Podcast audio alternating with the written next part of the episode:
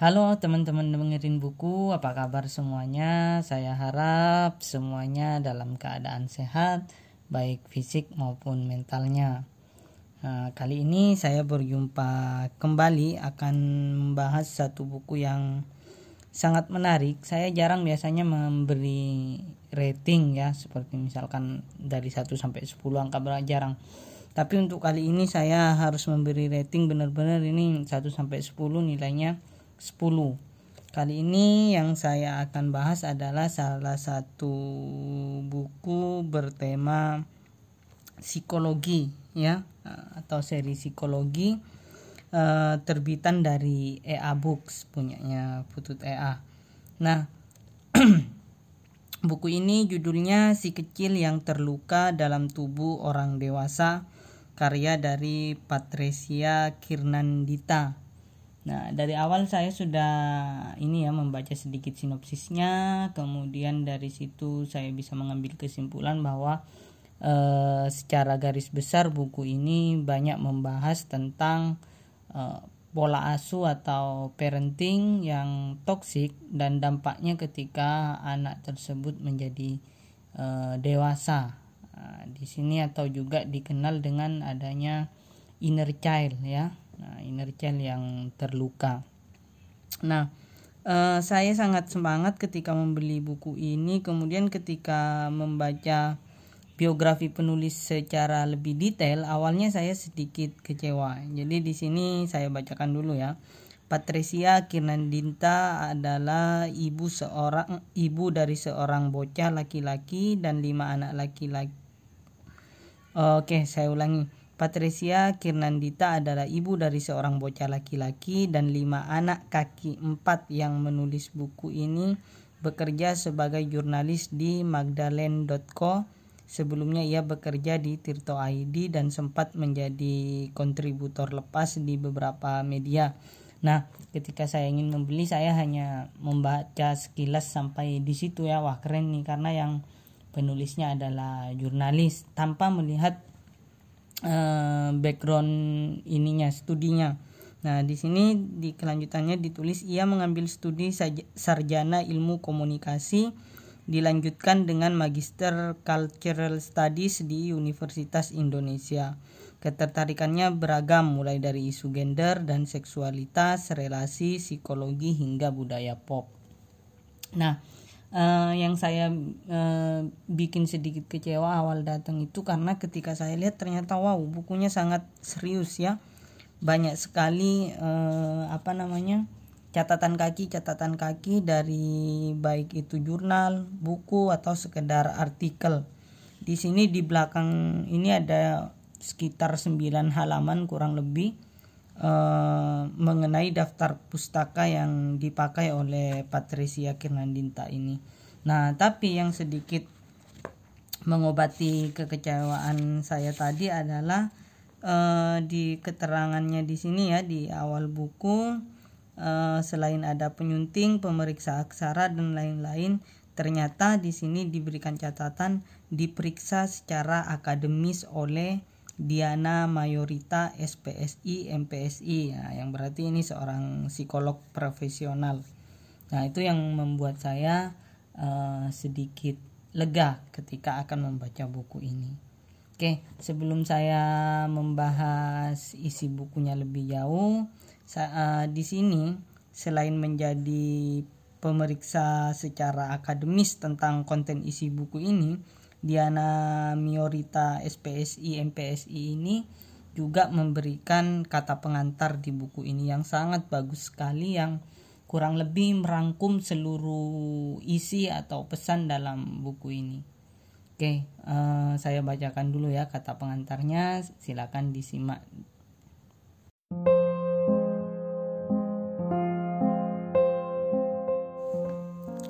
Mungkin banyak dari kita yang menjalani hidup penuh pemberontakan dan perlawanan pada orang tua, atau sebaliknya, hanya berusaha menyenangkan hati orang tua. Tindakan terakhir bisa juga hanya didorong kasih sayang yang seolah transaksional, bukan didorong atas dasar keinginan kita sendiri. Tak heran jika hal ini berpengaruh pada sebagian besar pilihan-pilihan di kehidupan kita, mulai dari perkara sepele seperti model pakaian hingga pilihan krusial tentang kehidupan, seperti memilih karir, pasangan, serta cara pengasuhan. Sebenarnya tak ada salahnya memilih jalan sesuai dengan apa yang orang tua inginkan, atau sebaliknya berbeda dari apa yang mereka harapkan. Hanya saja, jika pilihan tersebut membuat kita tak bahagia, atau menjadi cara kita memberontak, atau menurut tanpa ingin menanggung risiko berkonflik, maka risiko kehilangan jati diri akan semakin besar. Sadar tidak sadar, ini akan menimbulkan duka baru untuk hidup kita, kini dan nanti. Tak ada manusia yang sempurna, begitu juga tak ada manusia yang terlepas dari luka. Terlebih jika luka itu bersumber dari masa lalu, orang terdekat kita sendiri, seperti orang tua. Ada ungkapan bahwa tak ada orang tua yang ingin menjerumuskan hidup anaknya, tetapi terkadang sikap-sikap melindungi secara berlebihan membuat kita sebagai anak terkekang dan tak bahagia. Mungkin mereka tak punya niat demikian, tetapi relasi tidak setara yang terjalin antara anak dan orang tua membuat ruang-ruang dialog hanya menjadi angan. Sekali lagi, tak ada manusia yang sempurna. Begitu juga dengan orang tua kita. Sebagai individu yang punya pengalaman masa kecil, orang tua pun punya kekecewaan serta luka-luka yang dipendam namun mereka tak tahu harus melakukan apa, sehingga hal-hal tersebut dianggap lumrah, dan sikap-sikap yang mereka terima dari orang tuanya diwariskan kepada kita, anak-anaknya. Ingat dengan pola pendidikan menggunakan kekerasan yang dianggap wajar di zaman dulu. Itu disebut pola didik yang ideal untuk membentuk mental anak yang tangguh dan bermental baja. Zaman sudah berubah Ketika pola didik kuno masih dianggap ideal di zaman sekarang, ia justru menyisakan duka yang bermanifestasi pada gangguan kestabilan mental untuk generasi sekarang. Itu semakin diperparah dengan pelabelan mental lemah, memble, dan cengeng.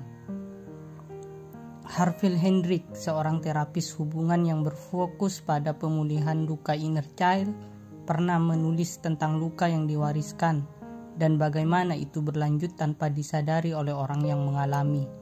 Bahkan saat kita berpikir melakukan hal yang berbeda, kita mungkin masih dikendalikan oleh luka itu sendiri.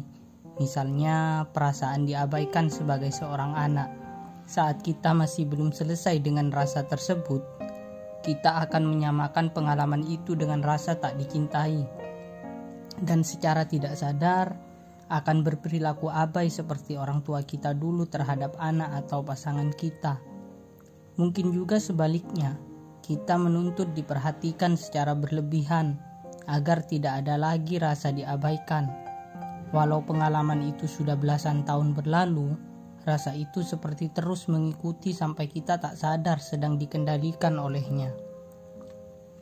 Sebenarnya, orang tua sama dengan kita sama-sama memiliki luka yang diwariskan, tetapi tak sadar mereka limpahkan kepada anak-anaknya dengan dali ingin melindungi dan memberikan hidup yang lebih baik. Niat mereka tidak salah, hanya saja mereka tak mengerti cara melakukannya. Ruang komunikasi yang sempit dan searah membuat kita terkadang sulit untuk mencerna semua yang terjadi.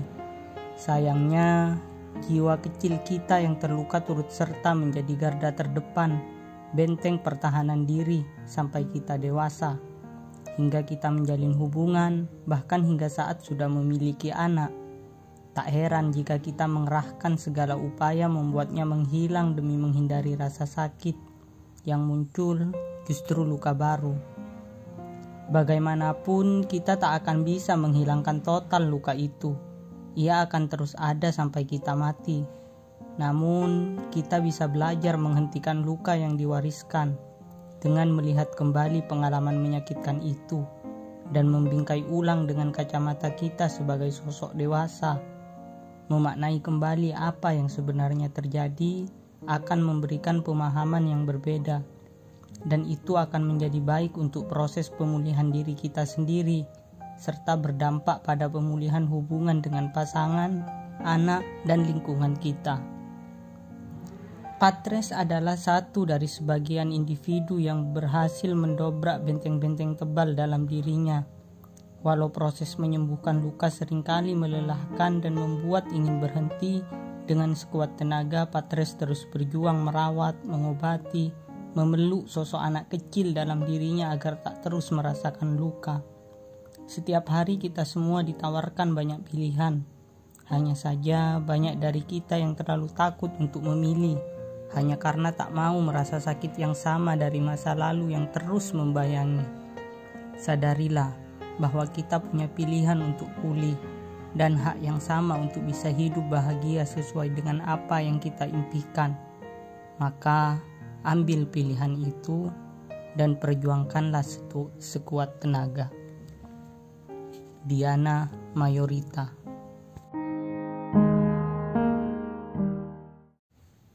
Nah, itu tadi kata pengantar dari uh, siapa tadi namanya? Dari Diana Miorita ya. Nah, sangat bagus sekali dan kurang lebih sudah merangkum seluruh isi buku ini. Nah, tapi biar teman-teman uh, lebih banyak tahu tentang isi bukunya, saya akan uh, membahas lagi lebih detail ya, nah, bocoran-bocorannya. Uh, yang pertama karena di sini pen, uh, penulisnya adalah seorang penulis juga di tadi ya sudah disebutkan di magdalene.co, kemudian pernah di Tirto dan media lain uh, yang merupakan media daring di mana di situ uh, pembaca media daring itu bukan orang yang betah berlama-lama.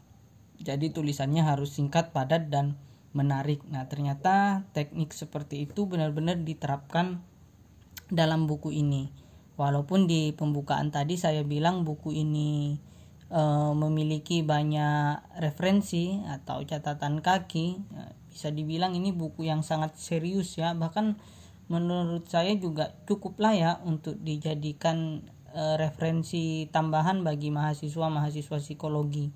Jadi bisa sebagai pendamping ya walaupun bukan sumber utama bisa dijadikan pendamping buku ajar. Nah yang menjadi sedikit kelemahan dalam buku ini ya tentu saja karena banyak istilah-istilah atau variabel-variabel dalam dunia psikologi atau kesehatan mental. Jadi mungkin bagi teman-teman yang tidak memiliki background atau selama ini belum pernah sama sekali membaca tentang isu-isu kesehatan mental atau buku-buku psikologi, nah mungkin nanti yang akan sedikit terhambat ketika banyak istilah-istilah atau variabel-variabel dalam psikologi tadi. Tapi kalau untuk teman-teman yang mungkin ya mahasiswa psikologi atau memang sudah terbiasa baca buku-buku tentang psikologi, uh, tidak akan ada masalah. Dan yang di dalam buku ini juga dibagi menjadi 10 bab ya di luar prolog dan epilog. Uh, itu ketika membaca buku ini saya nggak nggak merasakan bahwa sedang membaca buku yang serius. Jadi kayak kayak baca novel fiksi rasanya ya. Jadi begitu ringan nggak kerasa tiba-tiba sudah selesai tiga bab nah, seperti itu. Kemudian juga di dalam setiap bab ini ada lagi subbab-subbab. Nah, jadi ya kurang lebih kita kayak membaca artikel-artikel di media daring. Nah, jadi sangat uh, mudah dinikmati. Bahasanya juga uh, mudah dicerna Oke, saya sekarang coba bacakan bab-babnya ya per bab. Nah, yang pertama dibuka dengan judul si kecil yang terluka. Ini menceritakan masa-masa Patris kecil ya, bagaimana dia mengalami eh, apa namanya toxic parenting. Nah, yang penting juga diketahui e, ternyata buku ini benar-benar memiliki nyawa karena ternyata si Patricia ini adalah penyintas. Penyintas dari e, apa penyintas dari orang yang mengalami gangguan kesehatan mental tadi.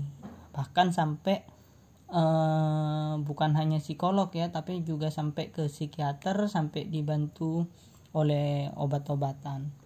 Nah kemudian di bab kedua judulnya konon kasih orang tua tak terhingga. Ini juga masih menceritakan tentang uh, masa kecilnya Patres tetangga-tetangganya atau teman-temannya yang juga mengalami uh, pola parenting yang tidak ideal bahkan mengalami kekerasan ya baik yang berupa fisik maupun yang berupa psikis.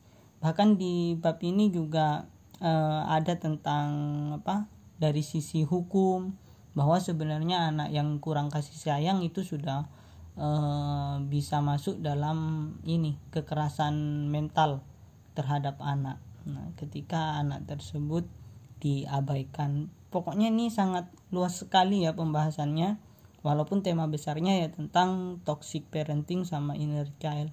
Kemudian di bab 3 eh, judulnya mengenal tipe-tipe pola asuh dan si kecil yang terluka nah ini benar-benar Patrice mengambil dari referensi yang ini ya banyak didapatkan di kampus bagi teman-teman yang kuliah psikologi eh, apa mulai dari gaya-gayanya, sumbernya, pencetusnya, kemudian sumber yang lain dan seterusnya. Nah, kemudian e, masuk ke bab 4 dan 4 bab 4 ini judulnya tumbuh menjadi pribadi yang rapuh.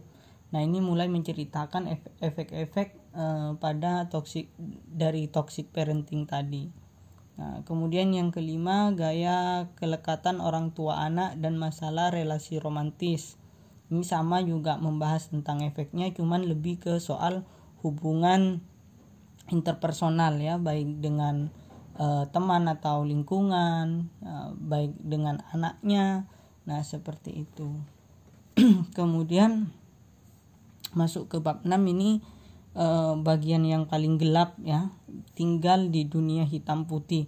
Nah ini tapi sangat menarik bab ini menurut saya karena ini bukan hanya sekedar bercerita tentang uh, toxic parenting dan inner child tadi tapi di sini Petris benar-benar bercerita pengalaman dia mengalami depresi pengalaman bagaimana dia pertama kali datang ke profesional ya ke psikolog bagaimana dia berganti-ganti antara psikolog dan psikiater dan lain sebagainya.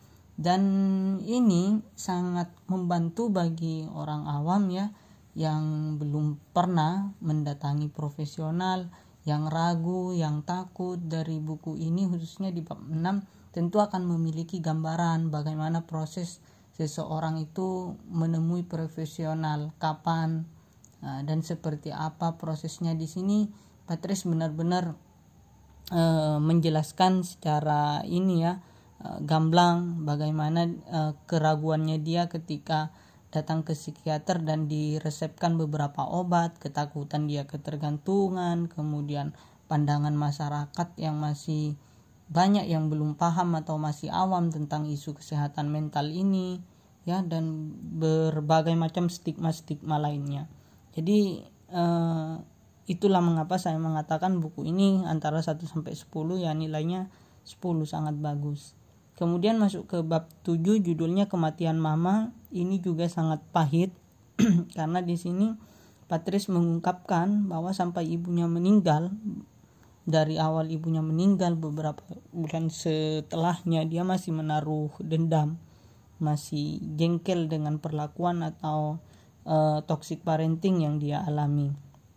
Tapi teman-teman jangan salah paham ya, Patris juga. Jadi kalau baca buku ini juga tolong diselesaikan setiap bab itu sampai halaman terakhir biar tidak salah paham jadi jangan menggunakan isu kesehatan mental atau menggunakan eh, apa namanya eh, pola asuh dari orang tua yang toksik itu sebagai perlindungan diri untuk menjadikan diri kita sebagai korban. Di sini di kata pengantar tadi juga e, sangat halus kan, sama kurang lebih isinya seperti itu. Jadi walaupun di sini dia tidak setuju dengan uh, pola asuh yang menggunakan kekerasan fisik atau tidak setuju dengan perlakuan orang tuanya tapi buku ini bukan berarti mengajak kita untuk kurang ajar atau tidak menghargai sedikit pun apa yang orang tua telah lakukan untuk kita.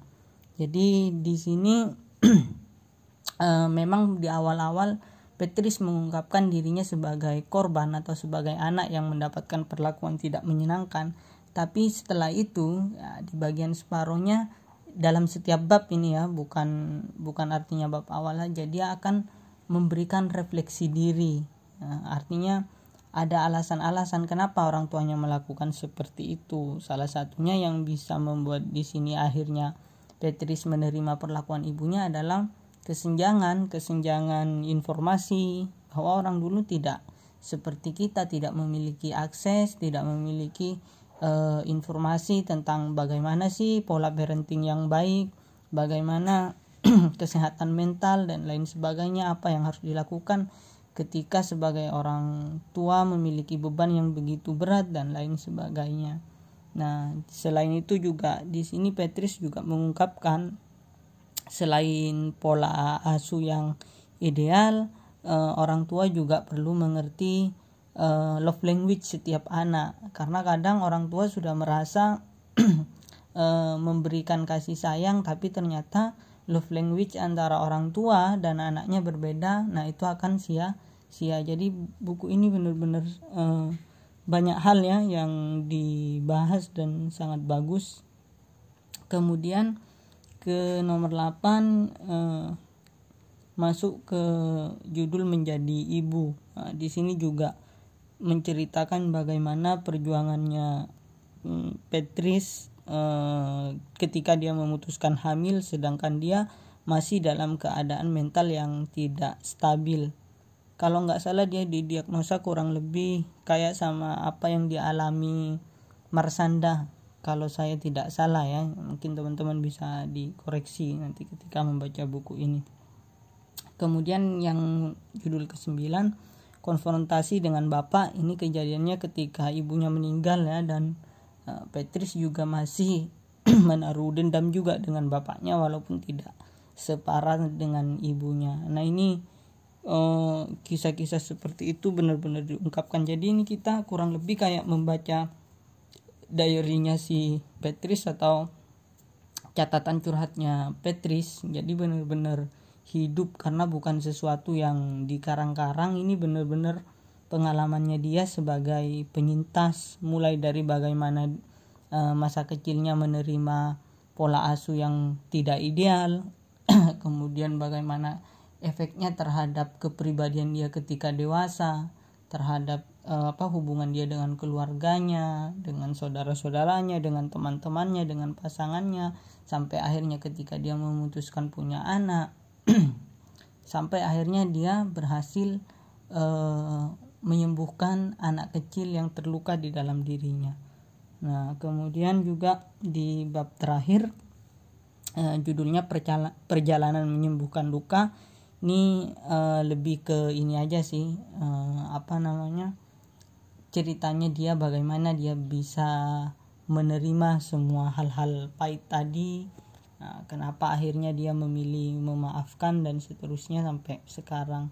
Nah ini sangat menarik. Mungkin uh, sebagai bonus saya ingin membacakan banyak ya sebenarnya quote-quote menarik dalam buku ini tapi tidak mungkin saya bacakan semua. Saya uh, membaca beberapa yang di ini sama penerbitnya. Diberikan apa satu halaman khusus. Sebagai ibu yang punya inner child terluka, kerap kali saya melakukan kesalahan yang membuat saya terpuruk dan merasa tidak layak melanjutkan peran ibu. Namun dari berbagai pengalaman, saya belajar untuk melepaskan perasaan itu.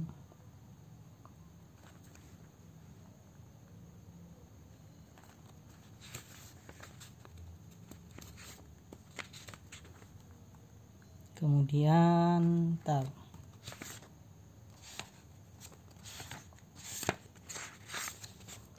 saya tahu orang tua sepatutnya dihormati tetapi saya tidak mau menghormati mereka hanya karena hiraki hubungan darah bukan juga atas pemikiran utang budi atas segala pemberiannya pada saya.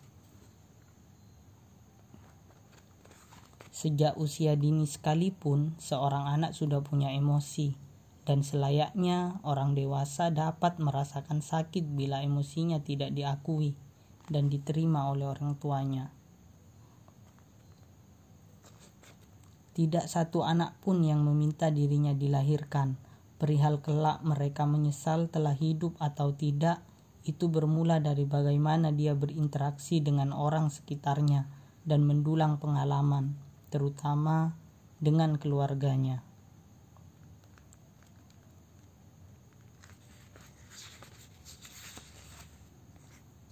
Anak bukan buku kosong tempat orang tua bebas menorehkan apa saja sekehendak mereka. Mereka tidak boleh abai bahwa peran orang tua yang ideal adalah sebagai pembimbing, pemandu, atau fasilitator, bukan atasan, penguasa, apalagi diktator.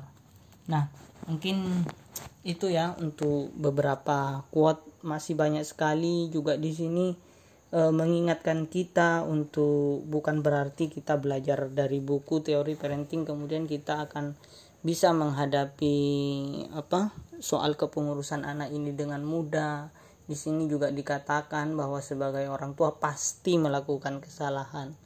Nah, cuman bedanya apakah kita e, berani menurunkan ego kita dengan meminta maaf kepada anak, berani nggak kita mengakui kesalahan kita, bisa tidak kita tidak mengulangi kesalahan itu lagi dan seterusnya dan seterusnya.